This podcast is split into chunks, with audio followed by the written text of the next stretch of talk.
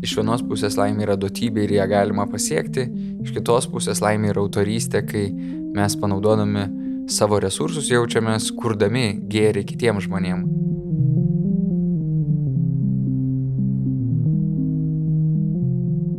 Labas, čia Nara tinklalaidė. Mano vardas Berta Tilmantaitė. Šiandien su bičiuliu ir psichoterapijos klinikos gali būti psichologu Andriumi Jančiausku kalbėsime apie laimę. Kiek laimingumo jausmas yra įgimtas ir nulemtas, o kiek tai mūsų pačių darbas ir autorystė. Kaip gebėti pajusti tikrą giluminę laimę ne tada, kai šalia kančias, skausmas ar dideli išbandymai. Kaip neprisirišti prie nelaimingumo ir padėti savo laimės kūrimi ir leisti jai savyje įsišaknyti.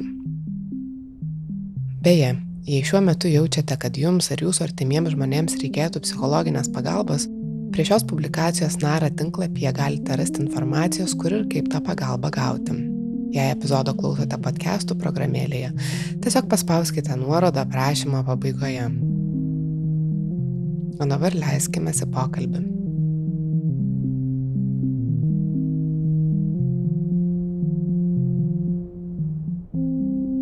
Labas.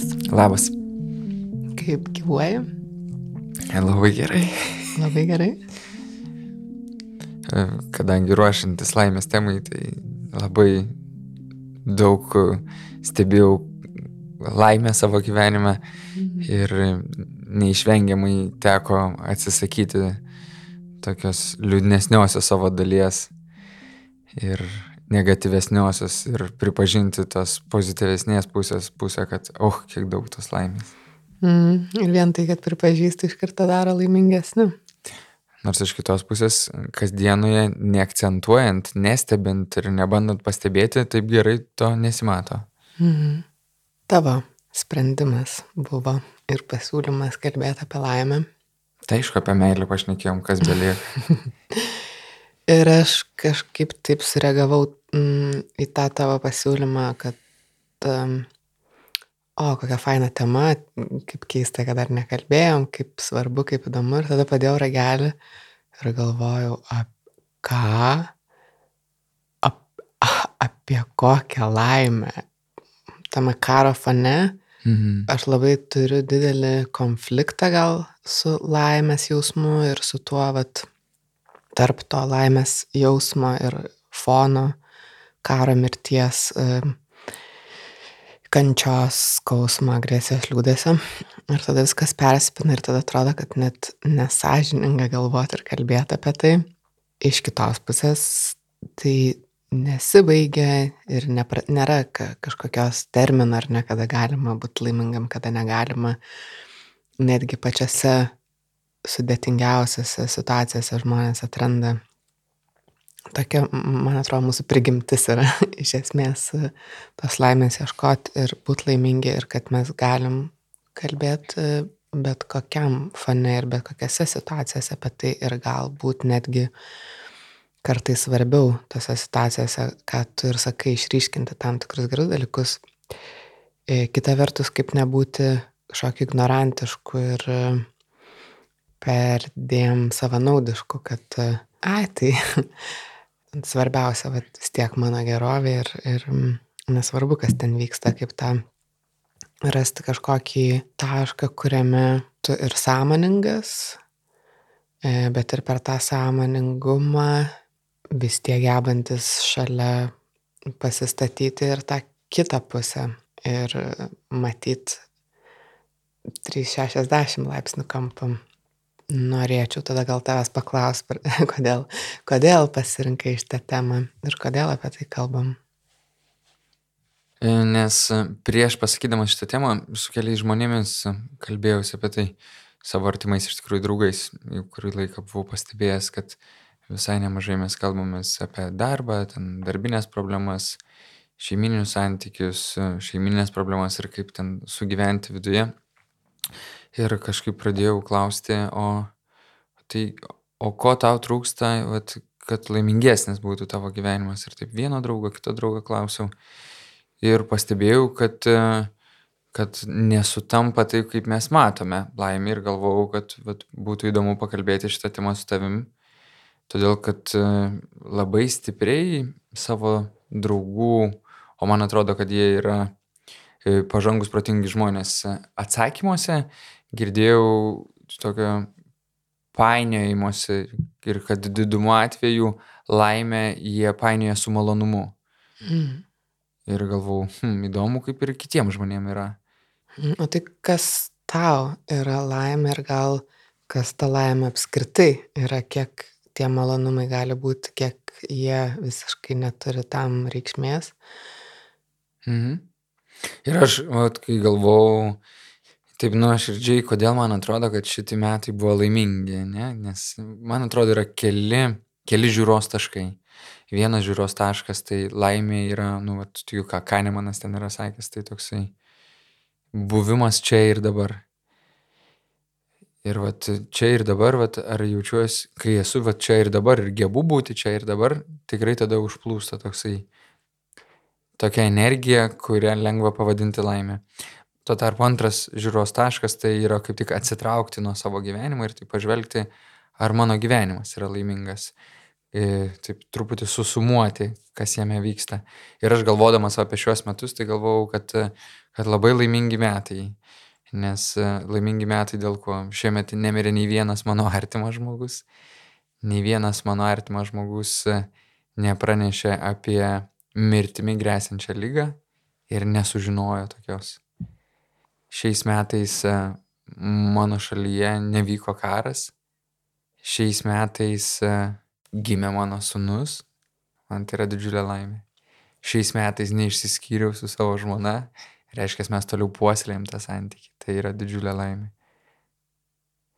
Ir vat tada kažkaip pajutau, kad, kad šiais metais grįžau į savo mylimiausią darbą, į ligoninę, tai yra didžiulė laimė.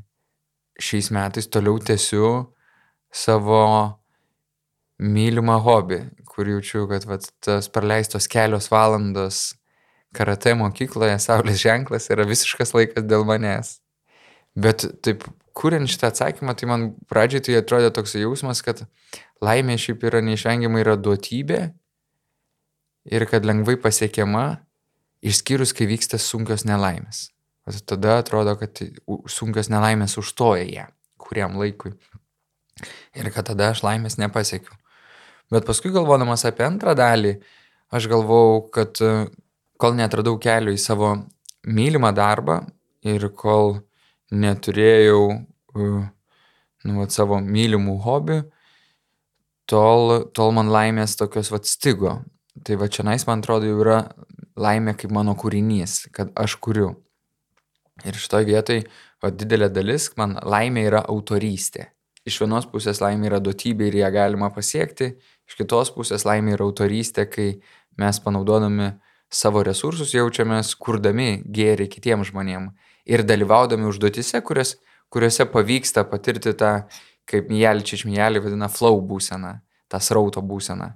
Kad esu pilnai susikaupęs, tai reiškia, kad esu pilnai čia nais ir dabar, mano dėmesys yra aštrus kaip lazeris ir, ir šalia sėdinti žmonės vat, gauna naudos ir vertės iš mano susikaupimo. Ir jaučiu, kad didžiausias nelaimės vis dar mane aplanko tada, kai, kai turiu kai tu išgyvenu tokio daug jausmo su savimi, kai įsiveliu į klajojantį protą, kuris e, už atakuojančių minčių pagalba vėl pradeda mane lesti, kad kažkas negerai, kaltinti, pykti, klausti, ko dar čia nais trūksta šitame gyvenime, čia ir to reikia, ir ano reikia. Ir va šitame minčių sraute labai nesunkiai vėl galiu tapti nelaimingas. Už tai tikrai džiaugiuosi, kai, kai kasdienoje yra rutina, nemažą laiko dalį praleidžiu dirbdamas ir negalvodamas apie save, kad tai, tai tom dienom aš tikrai esu laimingesnis. O vat turėti laimės poilsyje, man, man tai yra dar siekiamybė. Bet ten, ten neblogai atrandu malonumus. tu dirbi ir ligoniniai, ir asmeniniai praktikai, ar ne privačioj praktikoje mhm. su žmonėm, tiek E, grupinę terapiją vedi ar, ar galbūt kelias, e, sakei, kad ir su draugais kalbėjai ar ne šitą temą ir stebėjai. Tai gal įdomu toks bendras tavo žvilgsnis, ar žmonės yra laimingi, ar žmonės yra linkę padirbėti ir susikurti tą savo laimę, ar visgi dažniau pasiduoda tam lesimui, kurį tu taip gražiai vardinai lesimu, e, to minčių srauto, kuris turbūt dažnai kaip tik sako priešingai, tau dar trūksta to, dar nepadarai to, dar reikia šito, kad būtum laimingas arba tarsi ne, negali būti laimingas, nes tas yra taip, tas yra naip, tas yra trečiaip ir e, dar negali e, džiaugtis, arba esi nepakankamas, arba nenusipelniai, arba e, dar turi padirbėti, arba dar turi kažką pasiekti. Mm, koks, kok, koksai yra tas labiau išriškėjantis um, mūsų veikimo modelis? Aš tai tikiu, kad mes tikrai visi, visi burbuluose tam tikruose gyvename ir gal mano burbulas tiesiog yra toks, bet dauguma žmonių, man atrodo, yra, yra stipriai prisirišę prie savo nelaimingumo. Ir labiau, o taip jeigu bandyčiau apibendinti, šitą gyvenimą gyvena kaip problemą, kurią nuolatos bando spręsti, išspręsti ir ieško geresnių sprendimų. O kai jau turi laisvesnio laiko, tai padeda savo atsipalaiduoti tam tikrų e, psichoaktyvių medžiagų pagalba. Hmm. Aišku, nemaža dalis, e, turbūt jeigu klausiau, pasakytų, kad, e, kad e, nu, tie malonumai padeda išgyventi. Ir aišku, aš suprantu, kad jie, jie padeda ir yra reikalingi. Jeigu klausiau, nemaža dalis turbūt jų man sakytų, kad vat, turi ilgalaikių dalykų, kurie daro juos laimingais, kaip nežinau, vaikai ar ten prasmingi darbai. Bet jeigu klausiau, ar jie jaučiasi taip atsakingai ir sąmoningai kūrinti savo laimę, tai nemaža dalis atsakytų, kad nežinai, kažkaip tarp visų problemų pasimiršta šitas klausimas. Ir man patinka tas pagrįsta tiesa, kad, kad žmonės nežino savo poreikių, negirdi savo norų, ko iš tikrųjų trokšta, kad būtų gyvenime laimingesni ir, ir daug dažniau daro ne tai, ko iš tikrųjų, vat, kas jiems padėtų, o dažniau daro tai, ką daro kiti. Ir taip eigoje lekiant minčių diktuojama kryptimi, kur iš tikrųjų nėra atsisėsta ir išgrynintas tikslas ir, ir tai pabandyta suprasti, kas iš tikrųjų yra tie dalykai, kurių vengiu, kurie padaro mane nelaimingesnį, kas tie dalykai, nuo kurių aš tampu laimingesnis. Tai sunku. O vat galvodamas apie akimirką, kada pastaruoju metu buvau laimingiausias, tai galvojau apie tai, kad kad labai gerai veikia tai, apie ką kalbėjo ten Freudas, tai vadino, kad kontrasto svarba. Neatsimenu, kas iš autorių yra kalbėjęs, kad vat, kai mes išvažiuojame keliauti ir saulėtam krašte esam ir pradžioje atvažiavome vat, iš šito niūraus cepelinio dangaus ir pirmą dieną saulė, antrą dieną saulė, trečią dieną, hmm, ketvirtą, hmm, penktą, hmm, šeštą. Hmm. O kaip visai kitaip, kai čia nais gyvename, kaip pilka, pilka, pilka saulė dvi dienas saulė, o pilkuma vėl, va. pilkumoje gyvenam, okei, okay, čia yra kasdien. Ir vėl saulė, ir vėl smagu. Ir va, būtent tas kontrasto momentas. Tai aš e, susirgau, e, savaitę laiko tikrai labai prastai jaučiausi ir bijojau, kad nebegalėsiu vat, laikyti savo žalios juostelės ant geltono diržo. Nors jaučiausi, kad va, tarsi pusę metų ruošiuosi laikyti diržą, sportuoju, stengiuosi palaikyti gerą fizinę kondiciją, gerą psichinę kondiciją, todėl kad tai yra abiejų dalykų reikalaujantis užsiemimas. Ir žinau, kad egzaminas bus nelengvas, bet vad galiausiai palūžau prieš egzaminą ir jau atrodė, kad viskas. Liga garantuotai atima iš mane šitą galimybę.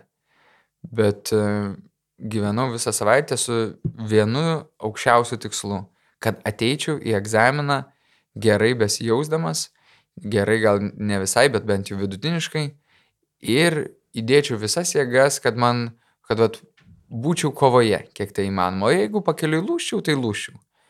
Bet kad ateičiau pamegojęs, pavalgęs, atsinešiau gerą gėrimą, kuris eigoje mane rehidratuotų. Ir eigoje 3 valandos truputį pabiškius stumiausi į priekį, stumiausi į priekį, stumiausi į priekį. Ir kai jau praėjo ta, ta dalis, kur yra visokie skirtingi pratimai ir atėjome iki kovų, Tai va tada aš jau jaučiausi laimėtojas, aš jau jaučiausi laimingas, nors kovose ir gavau kelias mikrotraumas ir, aišku, persistengiau ir apsidaužiau, kaip turi būti. Ir kolegos man sakė, kad Andriau ramiau, bet aš jau tiek daug spirgėjau iš vidaus. Tai va čia buvo momentas, kur aš jaučiausi labai laimingas ir man atrodo, kad jisai iliustruoja tai, kai mes turime ilgalaikius tikslus. Ilgalaikius tikslus, dėl kurių labai stengiamės. Ir eigoje uh, mokome tą laimės kainą. Vat, aukojame kažką, aukojame savo laiką, aukojame savo energiją. Ir bandome sustiprėti, kas nėra lengva. Taip iš dalies, vat, nuolatos save kankiname o paskui dar jeigu mum pakeliui nesiseka ir yra išorinės aplinkybės, kur jau atrodo, kad mum niekaip nepavyks. Ir esame viduje arti tokio pasidavimo, kad ai, gal po pusės metų, gal po, pus, po metų, bet viduje išlaikome viltį. Ir toliau viltingai einame prieš aplinkybės, kurios jau visos sako, kad ne, tau nepavyks. Ir viduje išlaikome tą tokį vat, vidinį laimėtojo jausmą, vat, laimė ir laimėtojas, kaip iš tikrųjų tai yra arti. Bet tai nėra laimėjimas būtinai prieš kitą žmogų. Labai dažnai laimėjimas kaip laimė gali būti laimėjimas prieš aplinkybės. Ir va toks pajūtimas, kad daug žmonių šitomis aplinkybėmis nuspręstų, kad aš jau pralaimėjau, o aš pabandysiu, o gal gausis. Ir ne tai, kad versdame save per jėgą, kad bet kokia kaina turiu laimėti sukandęs dangtis. Va šitas irgi nepadeda. Va apie tą tokį per didelį per jėgą persikėjimą laimės. Nu, daug žmonių ir daug filosofų yra kalbėję, kad va taip laimė paradoksaliai yra nepasiekiama, mm. nes tada tu visą laiką nelaimingas, tai jeigu tu nelaimingas persikėjai laimę, tai tu jas nepasieksi. Labai svarbu yra lengvumas ir kad viltis neapkrautų mūsų kaip gazdinanti aplinkybė, kad va, jei nepasieksiu, aš esu loseris. Ne. Jeigu pasieksiu, aš esu laimėtas. Jeigu nepasieksiu, natūralu, va taip gaunasi, kad iš tikrųjų buvo sudėtingos aplinkybės. Ir kai, man atrodo, labai daug filmų ir juk ir yra pastatyti, ar ne, pagal šitą scenarijų, kad superherojui nesiseka, visos aplinkybės yra prieš jį, bet galiausiai jisai laimi. Ir tas vat, laiminga pabaiga, happy end, jinai pakeičia viską. Pakeičia viską, nu kokią vienai valandai. Ir aišku, aš įsivaizduoju, kad, žinai, viena valanda, nes tai yra mano mažytė pergalė, bet vat, kokia didelė pergalė, nežinau, kaip pavyzdys, vat, kai, kai žmonės laimi medalį olimpiadoje, ne, jau turbūt daug ilgiau gali su to gyventi ir grįžta ir vėl sveikinimai ir žmonės labai džiaugiasi ir tai jau gali būti ilgesnė pergalė. Bet uh, grįžtu vat visas energingas, o, o per tą laiką, kai aš tas tris valandas buvau, tai be abejo žmona likusi viena su dviem mažais vaikais. Tai jos emocinė būsena yra absoliučiai kitokia. Ir va čia man atrodo jau pasijungia, kad jeigu aš toliau lieku tik tai savo laimėje, esu be atjautos tam, kad visų pirma aš esu šeimos žmogus ir mes gyvenam bendrą šeiminį gyvenimą. Ir mano laimė nėra susieta su mano žmonos laime, su mano vaikų laime, labai greitai aš pakliūsiu į didžiulės nelaimės. Ir aišku, man norisi sakyti, tai važiuojam kažkur, tai reikia gal pavakarieniausim, gal tą, tą, tą padarom. Ir žmona man sako, Andriu, aš labai norėčiau, kad tu surinktum vaiko spintą. Ir aš išsitraukiu, vat, tą instrukciją ir matau, kad ant instrukcijos parašyta, kad du žmonės, meistrai per 90 minučių galėtų ją surinkti. Yra, nežinau, turbūt beveik tūkstantį skirtingų e, elementų, iš kurių susideda ta spinta. Ir kad laukia kaip nieko keturias valandas tokio darbo, kur aš ir taip fizinį nuovargį jaučiu. Ir aš galvoju, ho, geras, vat. Norėčiau laimę naudoti tam, kad pasieuforinti O, o vat, šeima atrodo yra ta erdvė, kuri sako, kad, žinai, vat, iš laimės statykime kažką gero dabar mums bendrai. Jeigu tu susikūrei kažką gero savo asmeniškai, prašau ateik ir padėk sukurti kažką gero visai šeimai. Ir mokintis šitą dalį nėra lengva. Ir man atrodo, va čia nais, va jau yra tas aspektas, kur iš laimės pereinami meilė. Todėl, kad meilė yra ta erdvė, kur man rūpi ne tik mano laimė, man rūpi ir tavo laimė. Ir kad kai abu sustinkam laimė, va šičia jau yra teritorija, kurią vadiname meilė. Mm. Ilga prakalba. Bet atvedai į gražią teritoriją.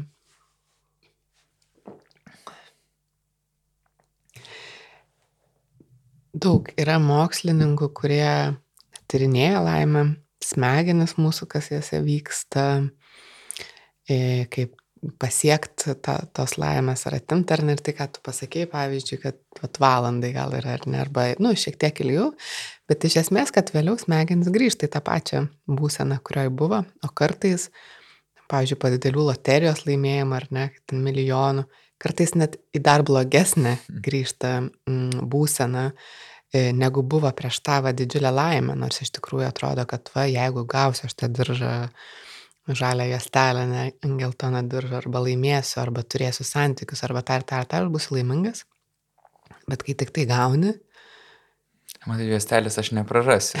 neprarasiu, bet. O santykius. Bet džiaugsmas. pinigus aš taip. prarasiu. Mm -hmm. nu, labai daug šansų, nes. Bet labiau iš esmės, kad netgi prie tos laimės tu priprasi, kad tai tęsis kurį laiką.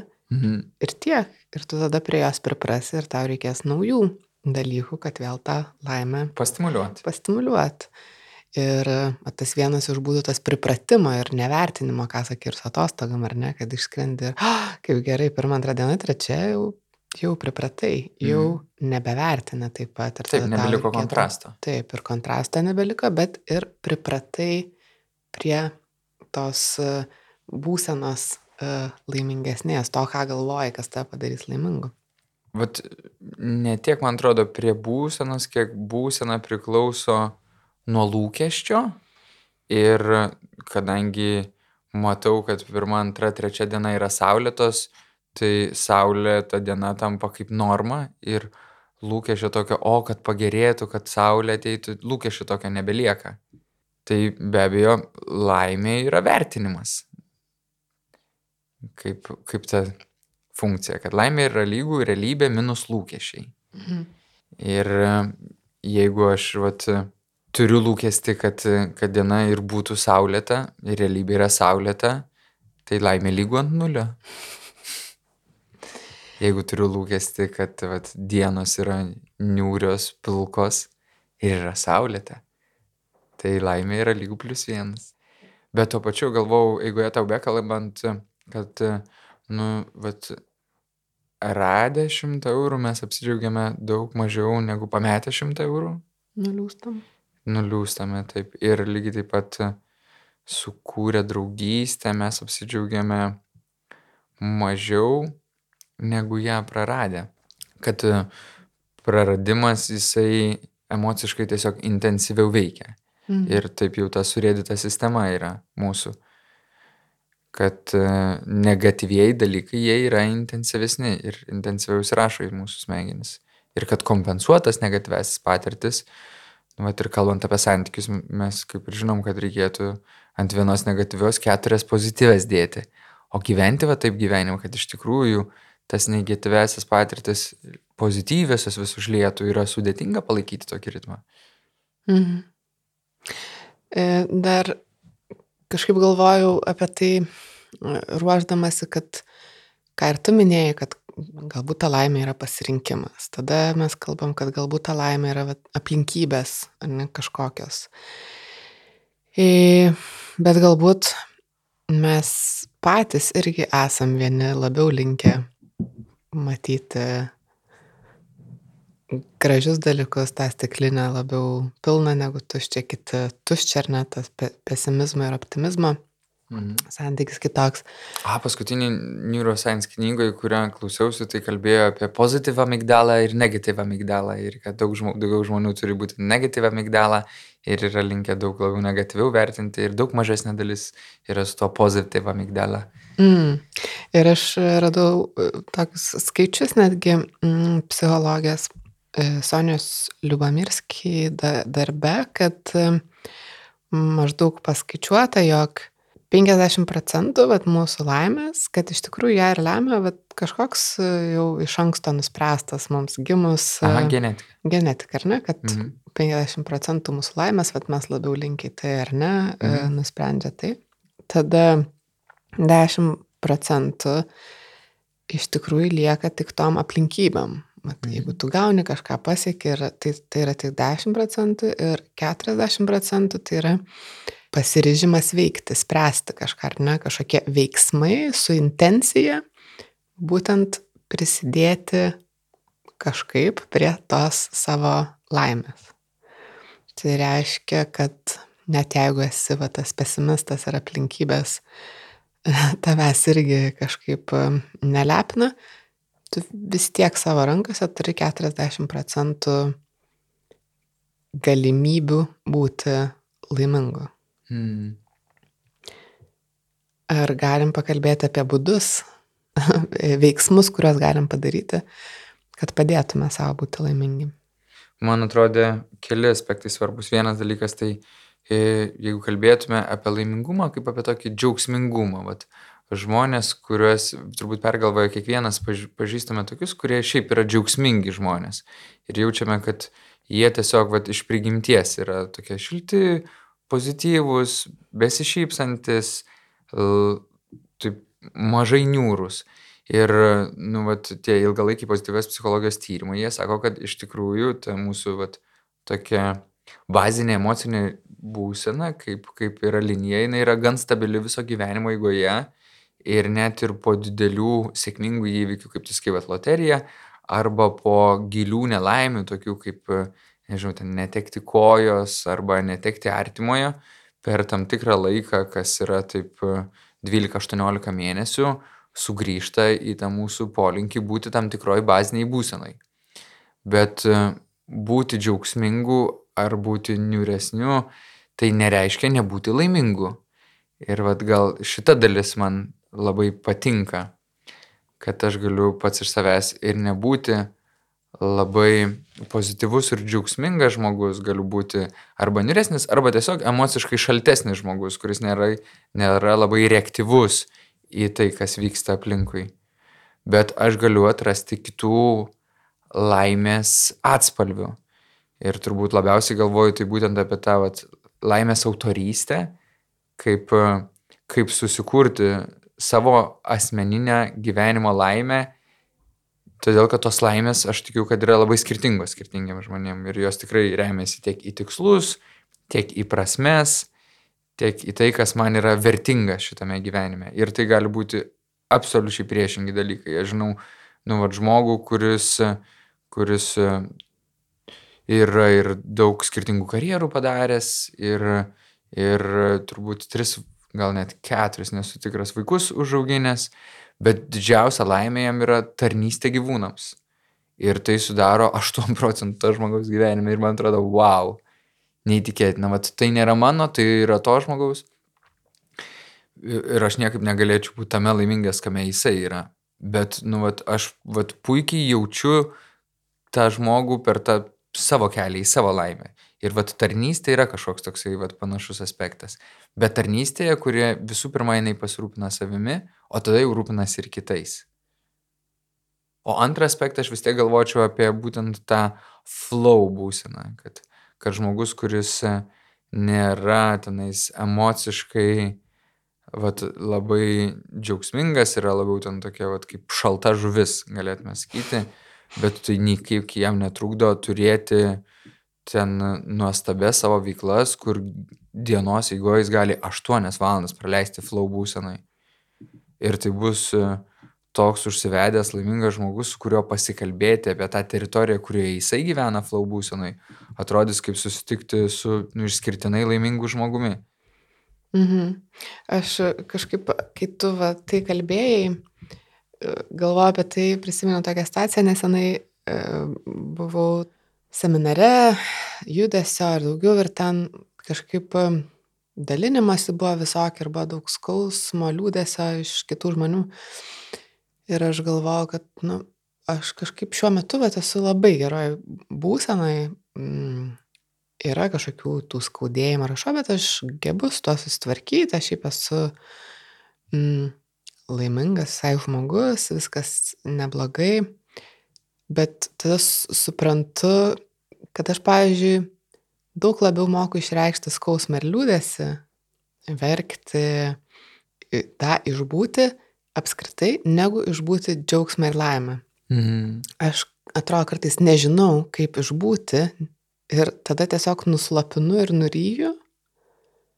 arba kartais tiesiog apsiverkiu, kas atsitinka taip pat, kai ištinka kažkokie blogi dalykai, ar ne, tos emocijos išeina per ašaras. Mm. Ir tada atrodo, kad ir laimė, ir džiaugsmą, laimė ir nelaimė išreiški tuo pačiu būdu, kas irgi gal e, nėra gerai. Ir galvoju, kodėl taip yra. Ir tas laimės išreiškimas, man atrodo, vaikystėje aš tiesiog e, tapdavau netramdoma, e, nes tu kai pradedi siautėti, džiaugtis, viskas kažkaip auga, viskas išsiveržia ir dauginasi ir tada tampi nevaldomas, nesugebi su tuos tvarkyti ir aš už tai nubausta būdavau, turėdavau vieną paskui susitvarkyti su tam savo emocijom ir tada jau grįžtas normalus e, laikas, ar ne?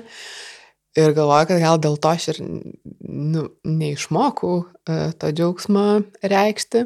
Kitas momentas - būti laimingu, vat, kai šalia kažkam nėra taip e, gerai, atrodo irgi nesažininga, kad tu galbūt padidinsi kitų skausmą ir tada ne, nereiški laimės, nerodai, tam, kad ne, nesutrigerintum kažko, nepriverstum blogiau jaustis, nenustumtum dar toliau ir iš savęs atimi tą galimybę mm. irgi išreikšti savo laimę, išreikšti savo džiaugsmą.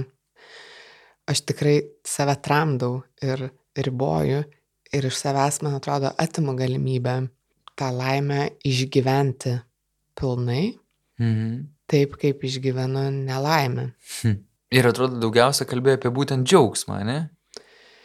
Džiaugsmą, kuris, taip, kuris yra, man atrodo, didelė visgi laimė sudėdamoji dalis. Mhm.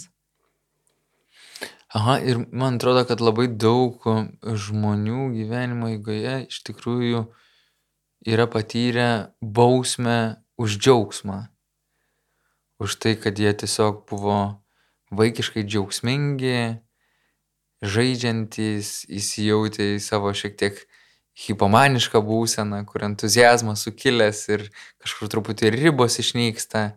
Ir tame džiaugsmingume tada tampa lengva iš dalies ir užgauti kitus, ypač jeigu teveliai ten nori ramybės, yra išsidirginę ir nori, kad vaikai laikytųsi taisyklių. Bet iš kitos pusės turbūt liūdniausia, kad tai išlenda tėvų tokia piktoji būsena. E, nebūtinai, nes man, pavyzdžiui, būdavo, kad jeigu aš įsisiaudėdavau, nu, tai dažniausiai nugrūdavau, susižeisdavau, kas nors atsitikdavo, kad man reikia stvardyti anksčiau. Ir tada man Bet sako, ir nesu tikras. O gal geriau, kad vaikas, žinai, Jo, galbūt. Užsigauti. Galbūt, bet, e, žinai, tėvai daro tai, kas tuo metu jam atrodo geriausia. Iš savo baimės elgesi. ar ne? Ir man tada sakytų, atsargiai tuo verksi. Ir tada jau mane išgazina net ne pats konkretus nukritimo susižeidimo faktas, mane taip. išgazina ta galimybė ir mane jau užsiprogramuoja taip, kad po kiekvieną gerą dalyką atsitiks blogas ir taip. galbūt net labiau didesnis ir, ir e, galingesnis negu tas geras dalykas ir galbūt jeigu aš nesidžiaugsiu, nesiautėsiu, nebūsiu laimingas ir neišreikšiu to savo laimės aplinkai, galbūt tada ir nieko blogo neatsitiks. Jeigu aš būsiu toj susiturėjusiai būsenai, sakai, gal praslysiu. Ir man atrodo, kad yra tame dalis tiesos, bet didelė dalis melo, nes labai dažnai ateina klientai, kurie kalba apie tai, kad, žinai, aš net bijau džiaugtis ir bijau tų gerųjų periodų, nes man yra toks jausmas, kad jau reikia pradėti dairytis per petį, tuoj atsiras kažkas blogo, kad man tikrai neleista ilgesnį laiką gyventi geresniam periodui, nes tuoj, tuoj atsitiks kažkas blogo, iškart sako, arba pradedu skambinti mamai, klausti, ar tau nieko nenutiko, arba galvo, tuoj grįž vaikai iš darželio ten ar iš mokyklos ir bus susirgę. Jau garantuotai tuoj kažkas blogo prasidės. Ir tas, tas, tas maginis mąstymas, jisai nu, ir veikia, ir žmonės atranda, kas yra blogo, ir tada įgyja teisę vėl dėl kažko tai nerimauti. Ir va, sakiau, kad bus taip. Bet iš kitos pusės. Bet iš dalies yra va, ta tiesos būsena, būtent jeigu mes kalbėtume apie džiaugsmingumą ir, ir liūdnumą, kad, kad tikrai vat, kraštutiniam savo efekte tai vadinus, vadintųsi bipolinis, ne, sutrikimas, stiprus nuotaikos sutrikimas, kur žmogui gali užeiti galinga banga ir jisai gali, va, tarkim, keletą mėnesių būti hipomaniškas ir viskas, ir pilnas jėgų, ir visas organizmas dirba nebe ant 100 procentų, ant 170, mažai miego, pilna energijos, labai daug idėjų, sunku viską pabaigti iki galo, daug kas labai nesunkiai nu, sukelia džiugesį, entuzijazmą ir žmogus nori į visas pusės taškytis ir staiga vukšt pervarksta, banga pasikeičia ir po tų dviejų mėnesių, kaip jisai įsivaizdavo laimės, ateina kaina - šeši mėnesiai nelaimės. Ir šešis mėnesius toks gili depresyvi būsena su jausmu, kad aš esu šūdas, pasaulis yra šūdas ir nieko gero nenutiks. Ir su apatija, su nenoru keltis iš lovos, su stipria hedonija, kad niekas ir nebekelia tiek daug džiaugsmo ir malonumo.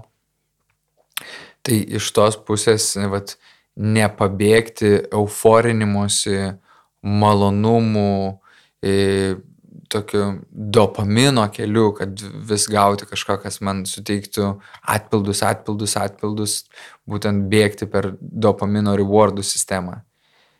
Tai vat prisilaikyti žmogui keliaujančiam į manišką būseną yra labai svarbu, nes iš tikrųjų tas atkritis bus sudėtingas. Ir man atrodo, net ir mažiau sviruojantys žmonės, ne vienas yra kalbėjęs apie tai, kad, žinai, vat, vakar jaučiu, kad tapau labai laimingas, nes darbė ten mane vadovas pagyrė ir aš iš to užsivedimo padariau ir tą, ir tą, ir tą, ir tą, ir tą, ir tą, ir šiandien jaučiuosi visiškai bejėgis.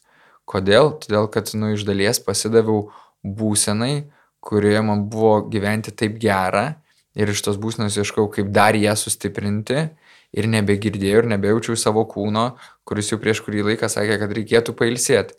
Ir kada nuėjau mėgoti, nu antrą nakties nuėjau mėgoti, nes vietoj to, kad eičiau dešimtą, man tiesiog buvo per gaila prarasti šitą būsną, juk jinai tokia maloni yra. Ir mes vėl grįžtam labiau prie malonumo. Ir, nu, va čia, man atrodo, ir atsiranda va tas skirtumas E, tarp dopamino ir serotonino. Aš nesu neuromokslininkas ir gali būti, kad aš negaliu jo taip gerai paaiškinti, bet va, man atrodo, kad dopaminas ir serotoninas, vad kuo stipriai skiriasi, kad dopaminas yra tas mokinimosi hormonas, kur visais, vis kaip atpildas ateina už kažką tai. O serotoninas, vat, jisai kaip laimės hormonas, jis nėra išgyvenamas kaip atpildas ir prie jo nėra priprantama. Kai tuo tarpu dopamino vis reikia didinti kiekį, kad jis suteiktų mums malonumą. Mhm, taip. ir, ser, ir dopaminą mes dažnai išgyvename vieni, pavyzdžiui, ir jį lengva išgyventi ten su visokiom medžiagom, nes dar, dar, dar, dar, dar. Kai tu tarpu serotoniną mes daug labiau išgyvename vat, grupėje prie kitų žmonių.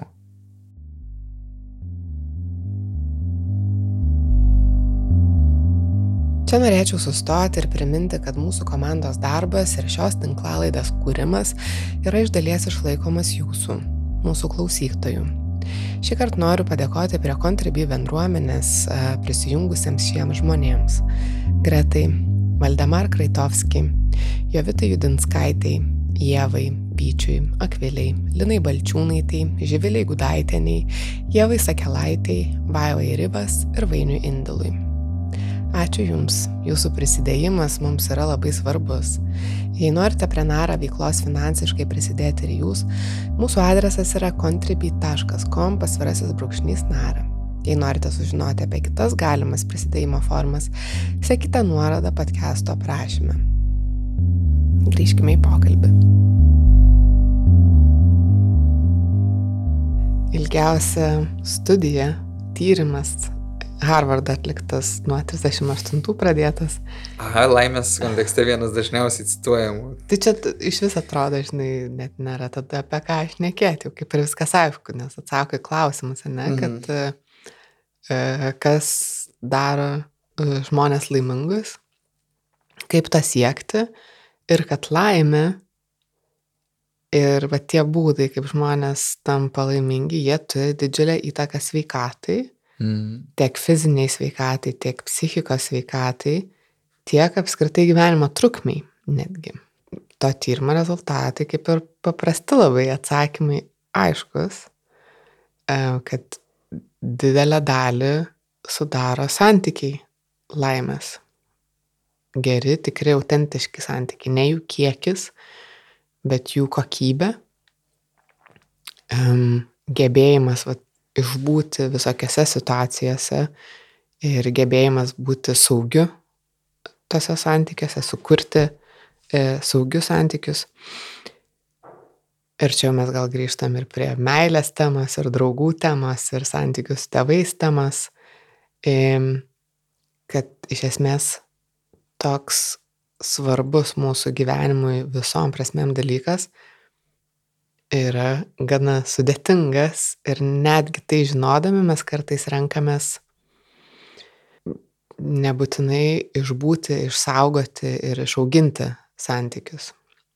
Ir man atrodo, net ne tik šitą teritoriją, bet aš galvoju, kad, kad va dabar galvodamas apie vieną naują klientą, su kuriuo dirbu ir jo gyvenimo kontekste, galvoju, kad ir lygiai taip pat tai yra ir mūsų profesinės šeimos. Ir nemaža dalis žmonių ieško profesijoje būtent, vad kaip mes žiūrėjome tą filmuką su tavim, ar ne, prieš, prieš tai, vad kiekvienas žmogus gali įsivesti YouTube happiness ir pasižiūrėti tą žiūrkyčių filmuką, nuostabus filmukas. Ir kad nemaža dalis žmonių, vat, toj pačioj profesijai, jie ieško, ieško atpildo, kad kuo greičiau kilti profesiniais laiptais, reiškia, kuo, daugiau, kuo greičiau gauti, uždirbti tam tikrą kiekį pinigų, kuo greičiau gauti tam tikrą statusą pavadinimus, kurie patenkintų tą vidinius lūkesčius, kad vat, va, kai vadinsiuosi taip, tada jau būsiu laimingas kuo daugiau gauti tokios stimulacijos, kad vat, darau man savo fainus patogius darbus, kuriuos padarau ir jaučiu tą atpildo stimulaciją, kad va padariau viskas gerai.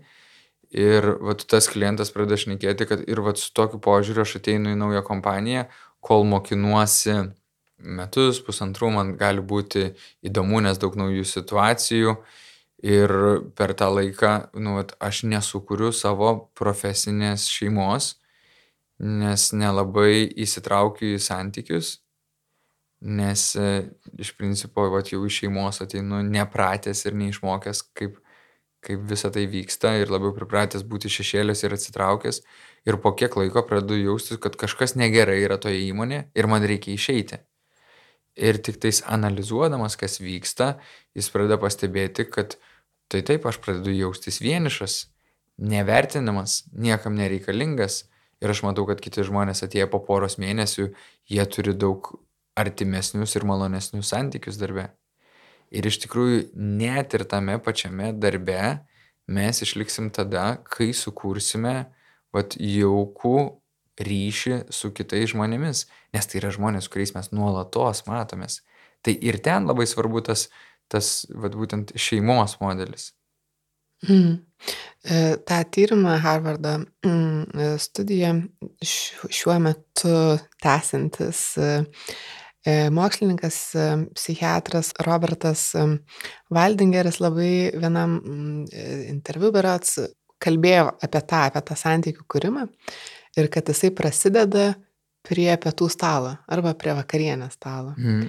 Ir kad vienas iš to jų patarimo, kalbant apie santykius, tiek darbą, tiek, tiek bet, bet, bet kokius santykius yra tėvam pasikviesti vaikus valgyti kartu mm. e, prie stalo, nes prie stalo vyksta pokalbiai, nes prie stalo mes mokame užduoti klausimus, mes mokame atsak mokomės atsakyti, ar ne, ir tada tos situacijos, tas gebėjimas, mokinimasis bendrauti, kalbėtis, diskutuoti, nesutikti, ginčytis, vėliau gyvenime tampa labai svarbių įgūdžių tiek darbe, tiek e, universitete, mokykloje ar bet kur.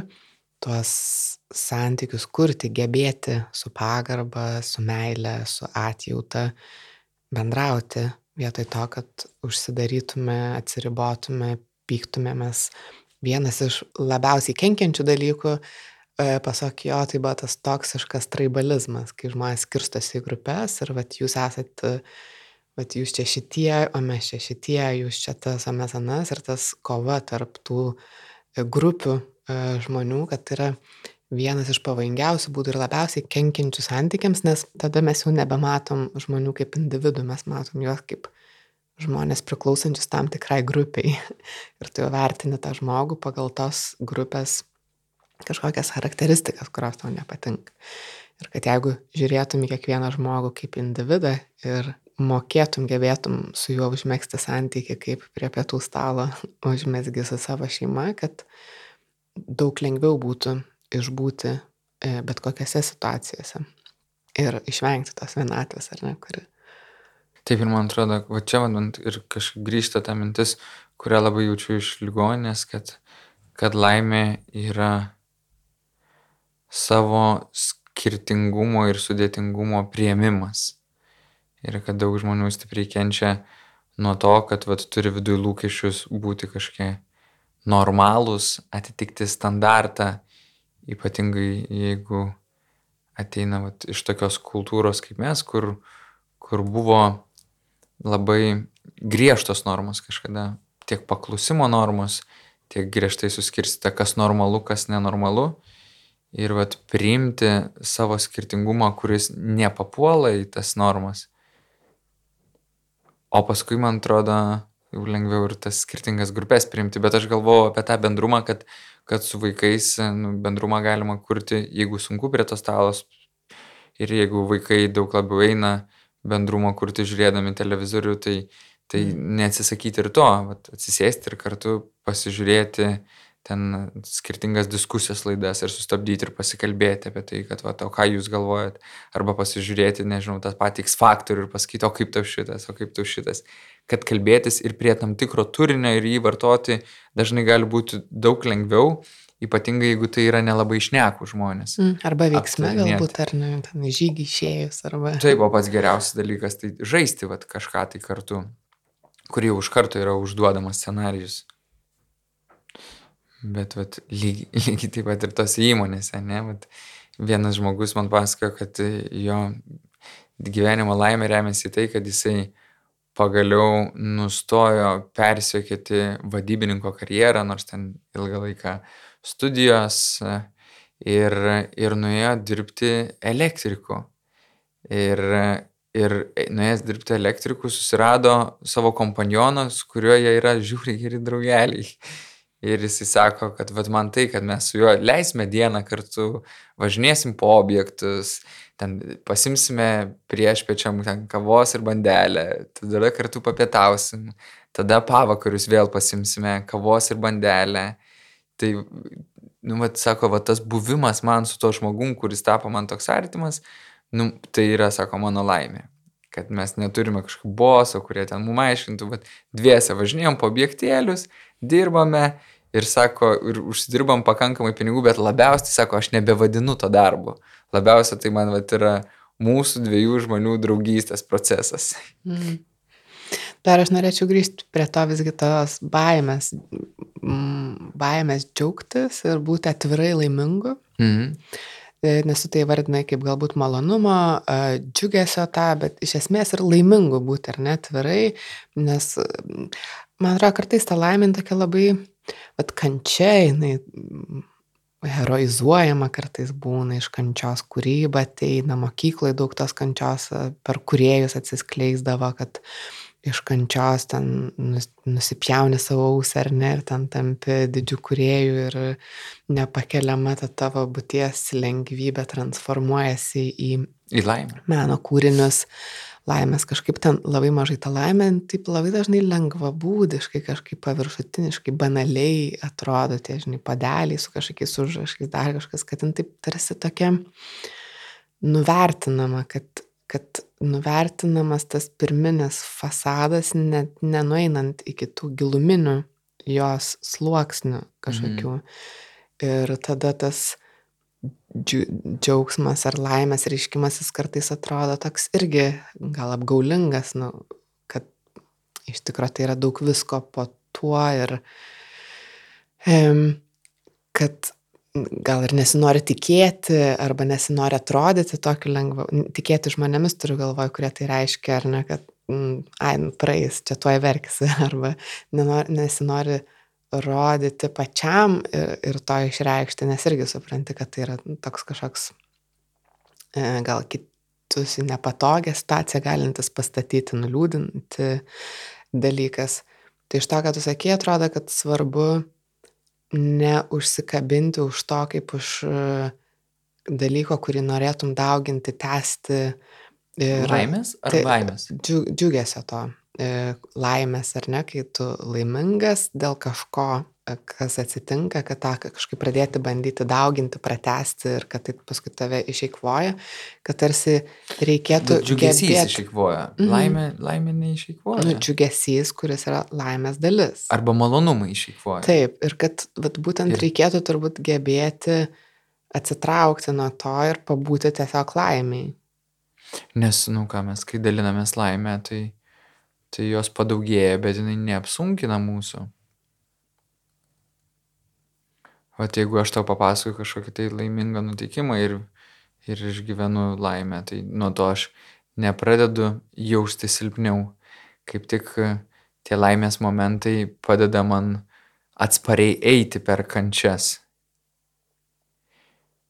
Bet būtent džiaugsmingumo dalykai arba malonumo dalykai, jie daug labiau yra naudojami kaip nuskausminamasis kančioms, tam, kad truputėlį pailsėčiau nuo kančių.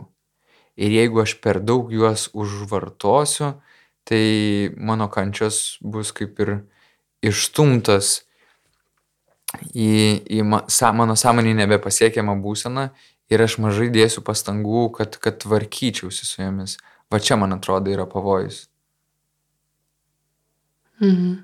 Kad laimė yra, nu, vat, man labiau tokia labiau akimirkos, o, o, o kančia ir šiaip yra didesnė duotybė. Mm.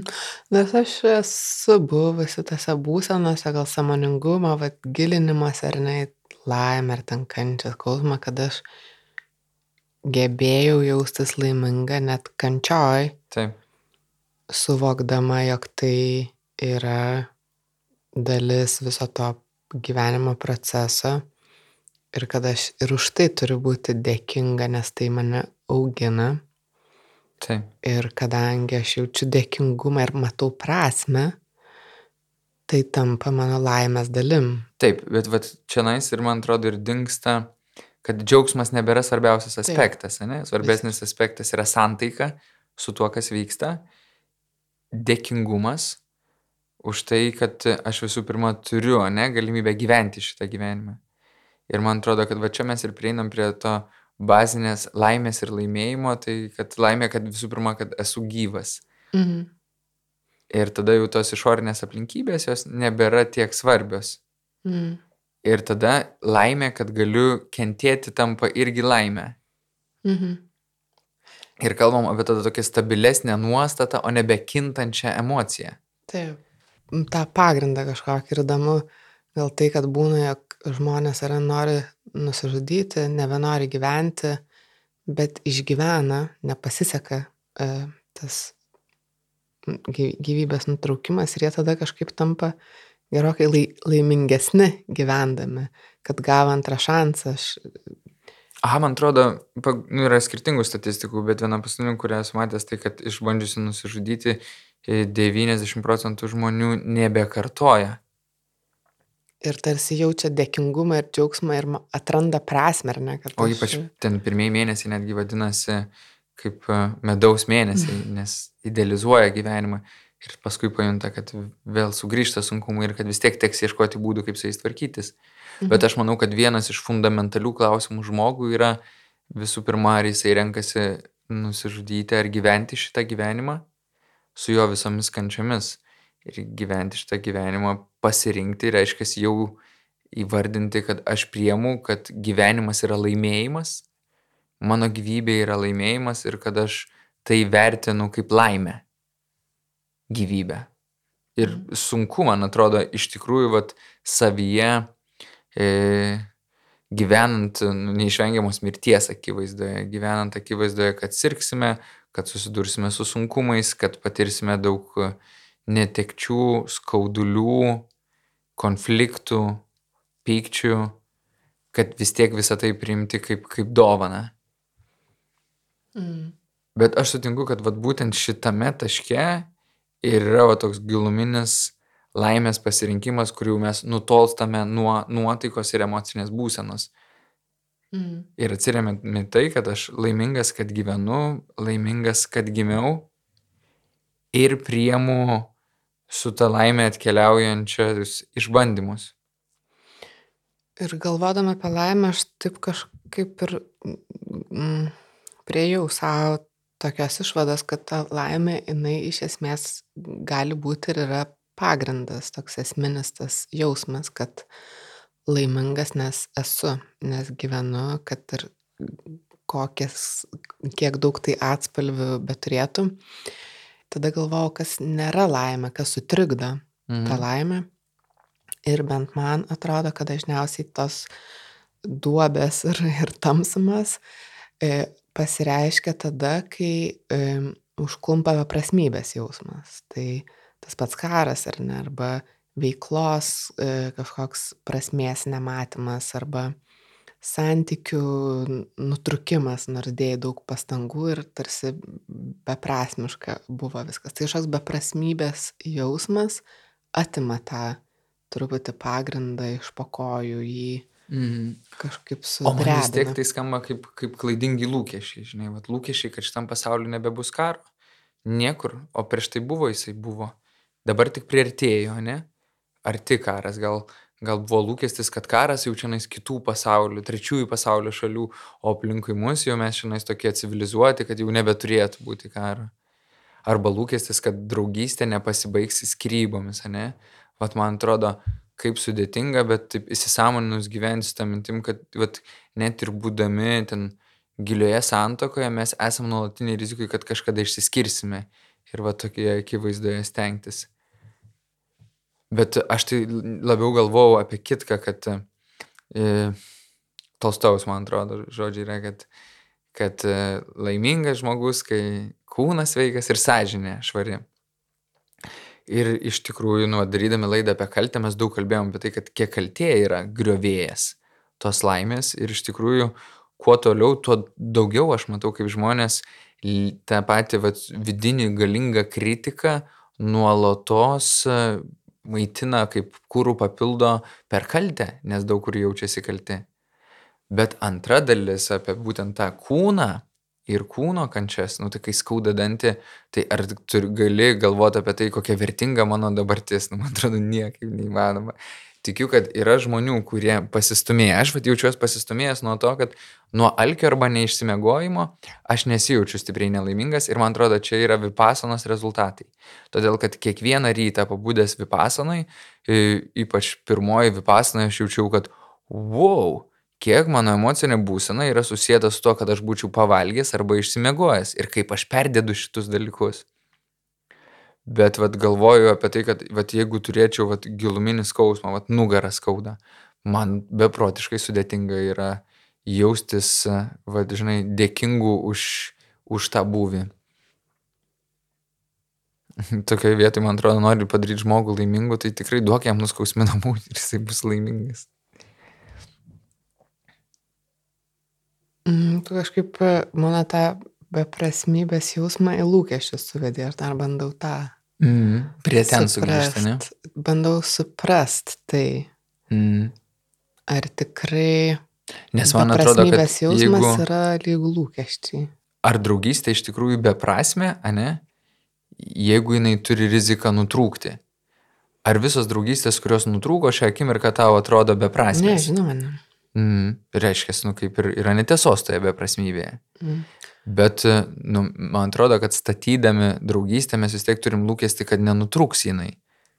Jo, čia gal ir kai nutrūksta natūraliai skauda, tai... tuomet skausmas yra, praradimo jo, skausmas. Bet čia gal mažiau beprasmybės, čia gal toks vienas, gal daugiau tas beprasmybės yra apskritai veikloj, ką darai, ar ne? Ar turi veiklą, kurioje matai prasme ir ar ta prasme aiškiai apčiuopiama, ar ne, savo gal kaip žmogaus, um, nebūtinai darbe, bet apskritai veikloj. Aš gal labiau apie tai galvoju, kad galbūt kartais darai ir... Nes vat, ar karas yra prasmės. prasmingas, nu, man atrodo, mm. kad ten labai daug prasmių yra kare. Mm -hmm. Tai vadinti karą be prasmybę, nu, žinai, kaip ten sako, fronte nėra netikinčiųjų. tai, mm. uh, kokia milžiniška prasmė, ne? aišku, dėl tų prasmių, nu, nei vienas mes nesiryštume organizuoti karo. Mhm. Nes apie tą beprasmybę, kodėl aš kalbėjau, nes irgi, žinai, kaip tu galbūt e, girdėjai, va, aplinkui laimės, kas yra laimė, kas nėra, žmonėms aš kažkaip girdžiu tas beprasmybės daug, kad nebenori žmogus dirbti, nes nemato prasmės, nebemato tam prasmės tame, name, trečiame, kad tos Bet prasmė tada išorėje. Prasmybės kažkaip, kad neaišku, kur jinai yra. Kur siekti tos prasmės. Mhm. Ir galva tai, ką tu sakai, kad, kad ne į išorę, ką tu su rankom darai ar, ar galva, bet kaip tu viduj esi ir jautiesi ir ką tavo vidus nukreiptas, galbūt tai yra atsakas tai beprasmybei. Nu, kaip ir Franklin, ar ne? nu, man tiesiog vėl ta prasmė skamba kaip atpildas kažkoks, žinai, kad vat, aš šitą mhm. dariau, kad gaučiau tam tikrą yeah. atpildą. Mm. Ir kad, kad atpildą gaučiau, reikia vis didinti stavkės, nes vis per mažai už tai sudaręs, jau tas nebeveikia, kur mm. dar čia nais to atpildo gauti, nes vad susikūriau tokią sistemą, kad va čia gausiu atpildą. Nu ir ilgainiui to atpildo pradeda stikti. Va tuo, man atrodo, yra pavojinga ta prasmės sistema. Mhm. Nors iš kitos pusės, vat, tą klausimą, ar aš esu savo tinkamoje vietoje ir ar aš noriu čia būti, man atrodo labai svarbu klausti. Bet man labiau patinka, vat, būtent prasmės klausimą turbūt keisti per laimės klausimą. Ar aš esu toje vietoje, kur jaučiuosi pakankamai laimingas? Mhm. Ir jeigu ne, tai kokie mano poreikiai ir norai nėra atliepiami čia nais. Ir ar tai labiau priklauso nuo mano vidaus ar nuo išorės? Ką aš galiu padaryti, kad būtų geriau visų pirma man čia nais? Ir jeigu jau nebeišeina čia nais, kaip galiu keisti aplinkybės? Kad pasirūpinčiau savo poreikiais ir norais. Ir čia visom situacijom tinka, ne? tiek santykių, tiek darbo, tiek gyvenimo vietos, aplinkos. Šiaip liaudė buvo populiarus klausimas, ne? Ko tau trūksta iki pilnos laimės? laimės tai. tai kas ta pilna laimė? Jo, kad tarsi yra tie kažkokie trikdžiai, kurie neleidžia iki galo, o jeigu neleidžia iki galo, tai gal ir nesi laimingas. Jeigu neva nepilnai laimingas, tai gal reiškia, kad esi nelaimingas. Aš tai esu savo galvoju užstrigęs ant vienos idėjos, kad laimė yra lapė. Aš negalvoju, ar atsiras sakinys šitas, šitam pokalbį ar ne. Šimtų procentų laimė yra lapė. Ir toje knygoje apie laimę yra parašyta turbūt daugiau negu mes šiandieną pakalbėjome ir ją perskaičius daug daugiau šansų pasiekti laimę, ne, negu būstant klausantis tokių į instrukcijų polinkį turinčių pokalbių. Mm. Ir va tuo ta laimė ir yra va, kažko efemeriška, nežinau, tokia pabėganti nuo tada, kai mes ją persekėjame. Bet man atrodo, kad nu, kažkur ašis vis tiek lieka būtent ta paieška savo norų ir sustikrinimas, kiek mano norai atitinka realybę ir kiek aš įdedu pastangų, kad aplink mane būtų žmonių, kurie nori su manim pildyti mano norus. Ir kuo mano norai labiau prasilenkia su realybė, tuo iš tikrųjų daug sunkiau būti laimingu. Ir man atrodo, tada mes ir turim pradėti kalbėti apie kažkokius adekvačius savo lūkesčių tobulinimus. Ir, nu, va dabar aš tikrai vėl galvoju apie va, pacientą, kuris rodo video, kur Nadalis laimė e, po, po ilgos kovos e, pirmąją vietą, plėšo savo maikutę ir, ir jaučiasi nuostabiai laimingas. Ir kai klientas sako, va, va toks mano potencialas, va tokia vat tokia laimė ir tokia akimirka man tiktų. O visa kita, vat būt kažkokiu nacionaliniu, regioniniu, šeimos čempionu, vat visa kita man nepakankamai. Ekstrema. Nu, apie tikrai labai labai Didelis. didžiulius lūkesčius ir reikalavimus savo. Mm, aš irgi vis galvodavau kažkaip, kad tas siekis gal yra ramybės ar ne, balanso,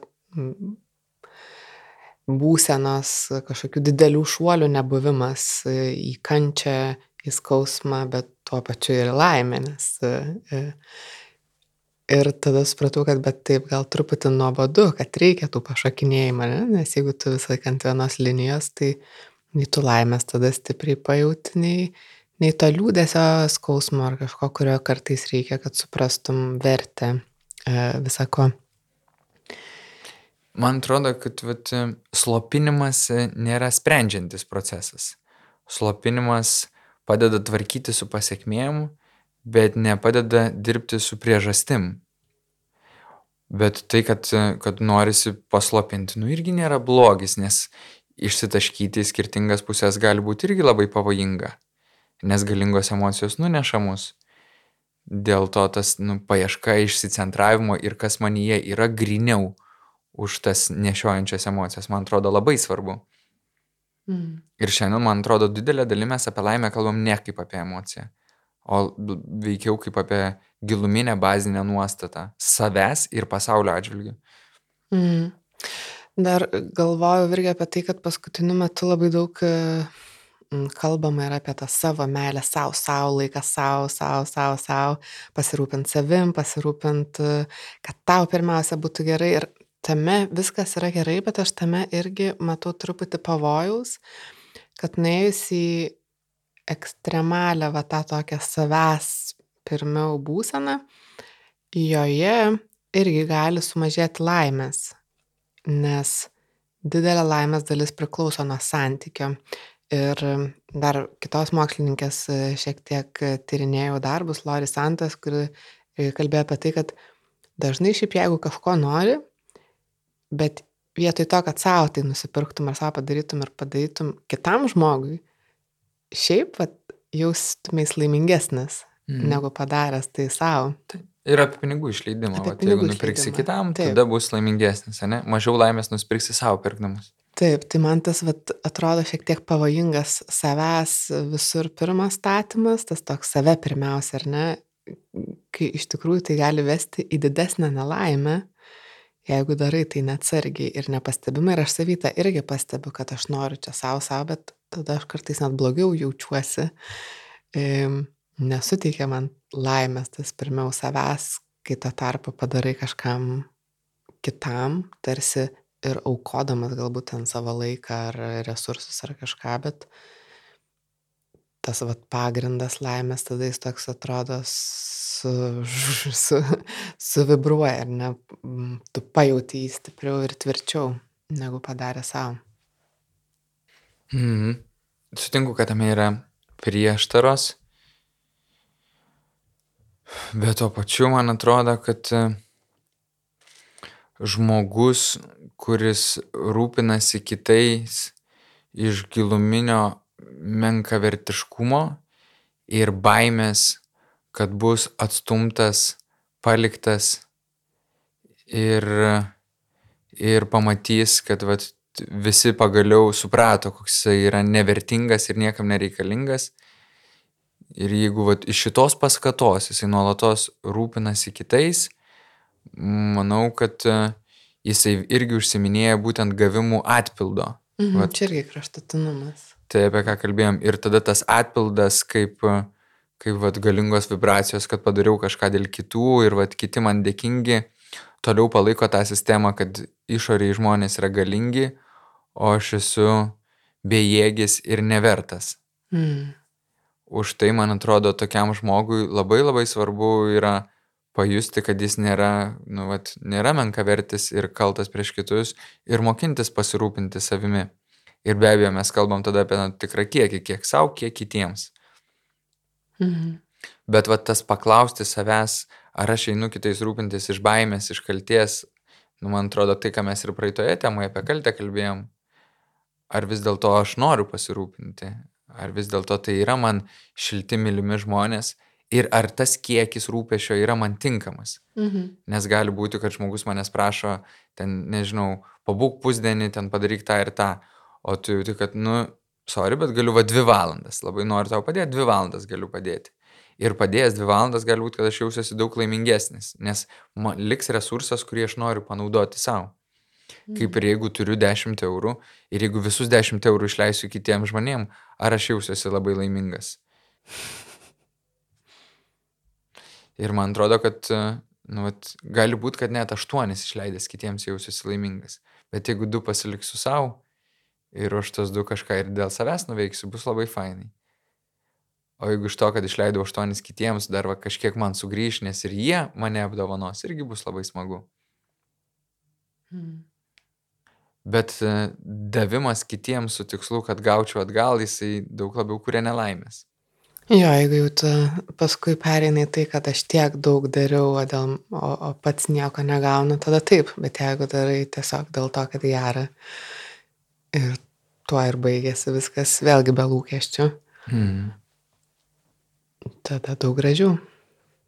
Jo, nes va šiais metais galvoju per gimtadienį, man vienas iš didžiausių nustebėjimų buvo, kai aš plaunu šunį koją, sekmanio rytas ir ateina netikėtai mano draugė ir sako, o, kaip džiaugiuosi, kad tu jau pasiruošęs, važiuojame. Ir žmona atneša, žinai, sukrautus daiktus ir suprantu, kad jos tyliai kažką susitarė ir mes važiuojame į ten nuostabų spa Vilniuje bokšto gatvėje. Ir jinai viską yra suderinusi ir mes dviese turime, nu, vat, atsipalaidavimo pusdienį, kur, kur paskui nueiname labai skanaus branšo į ispanišką restoraną, kur prieina, išeinant mums padavėjas ir sako, "Ž- žinai, aš esu perklausęs visus, visus podcastus jūsų su Berta ir sako, ačiū labai, kad kuriate. ir atrodo, wow, vat, kaip viskas sutampa ir susideda į tai, kad reikia padaryti tą įrašiuką. Tai ačiū tam. didelė dalis laimės yra dėkingumas. Ir mano dėkingumas tau, man atrodo, būtų tuščias, jeigu aš nejaučiau visų pirma dėkingumo, žinai, už tai, kad, kad galiu gyventi šitą gyvenimą. Ir man atrodo, labai painus egocentrizmas prasideda, jeigu aš jaučiuosi dėkinga savo. Kad dėkingumas visų pirma yra už šitą gyvenimą, kuris netiteko man, aš jo nepasidariau pats. Mm. Nežinau, gali tikėti, ko noriu, kad laimėjau loterijai, ar yra lemtis, ar yra dievas, čia jau kiekvieno žmogaus pasirinkimas. Yra tikrai pagal tyrimus religingi žmonės laimingesni, kaip ir laimingesni žmonės šalise, kur yra laisvas pasirinkimas. Už tai man atrodo fainai, kad gali būti religingas, o gali ir laisvai rinktis, kokią religiją būti religingas, arba gali rinktis būti ateistas, jeigu tau tai padeda. Bet vat, aš jaučiu, kad vat, tas dėkingumas už tai, kad aš turiu šitą gyvybę ir dėkingumas jisai, nu, vat, yra kaip ir mano gyvybė, ne? nes be jos aš nebūčiau gyvas. Ir už tai aš ją rūpinosi ir stengiuosi puoselėti ją. Bet tas dėkingumas yra, nu, per figūras į man, tai visų pirma mano tėvams dėkingumas, nes per juos atėjo šitą galimybę. Mano seneliams, nes per juos atėjo mano tėvų galimybė. Mano proseneliams. Ir vat visa ta visumos apimtis. Apimtis va tokio jausmo, kur sėdime mes kartu ir vat aš jaučiu, aš tau dėkingas, tu juk mano sesė. Tu mano sesė, kuri vis ateina ir sako, pasikalbame kartu, turiu temą, padiskutuosim. Arba sako, tu turėk temą, ne? Ir kai aš dėkingas savo būčiai ir dėkingas tavo būčiai, vat, atrodo užsisuka tas laimės ratas. Tai vat, man atrodo, kad laimė yra kažkoks religinis jausmas. Netikėta pabaiga. Jo, toks didesnis už tave. Mm. Jo, toks vat, pajūtimas, kad aš esu Mm. didesnio dalis. Mhm. Ir labai lengva būtų supainioti, kad aš didesnio dalis, nes kažką didesnio, nežinau, dariau, ten įsitraukiau. Ne, ne apie tai. Nors tikiu, kad daug žmonių kenčia nuo to, kad turi daug energijos ir ta energija nevirsta veiksmais. Va čia yra didelė dalis nelaimingumo. Kaip svarbu yra veikti. Ir mes savo darimu nuveikiam laimės daug daugiau negu galvojimo arba Mhm. kalbėjimu. Bet laimė, kad esam va šito didžiulio būvio dalis, man atrodo, va tuo jinai yra religinė, nes jinai daug didesnė už mus. Taip. Gražiai tu čia. Ačiū. Ačiū tau. Apskabin.